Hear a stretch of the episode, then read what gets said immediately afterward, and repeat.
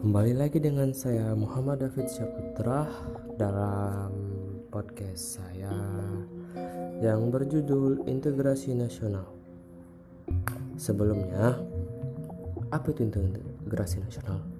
Integrasi nasional adalah proses penyelesaian dan penyatuan unsur-unsur kebudayaan Indonesia yang beragam, sehingga terwujudnya persatuan dan kesatuan bangsa. Secara umum, integrasi nasional mencerminkan proses persatuan orang-orang dari berbagai wilayah yang berbeda atau memiliki perbedaan. Perbedaan itu antara lain etnis, sosial budaya, maupun latar belakang ekonomi. Menjadi satu bangsa, terutama karena pengalaman sejarah dan politik yang relatif sama. Eh, berikut eh, pendekatan integrasi nasional. Yang pertama, ancaman dari luar. Walaupun Indonesia sudah merdeka, bukan berarti tidak mungkin ancaman dari luar itu masuk ke Indonesia. Ancaman-ancaman dari luar tersebut antara lain globalisasi.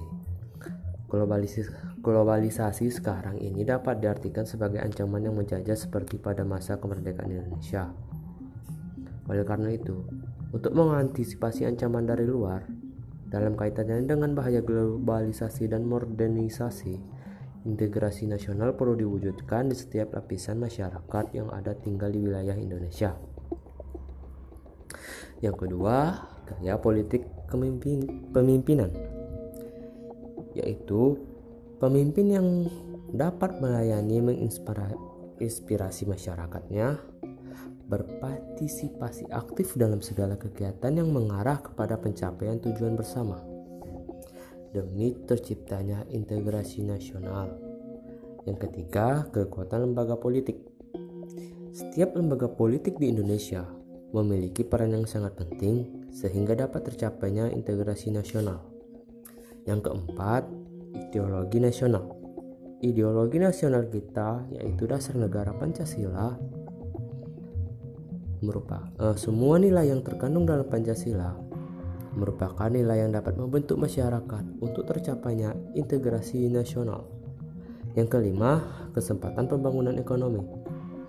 Pembangunan ekonomi seharusnya dapat dilakukan secara merata di setiap daerah dan jangan terpusat di daerah ibu kota negara saja.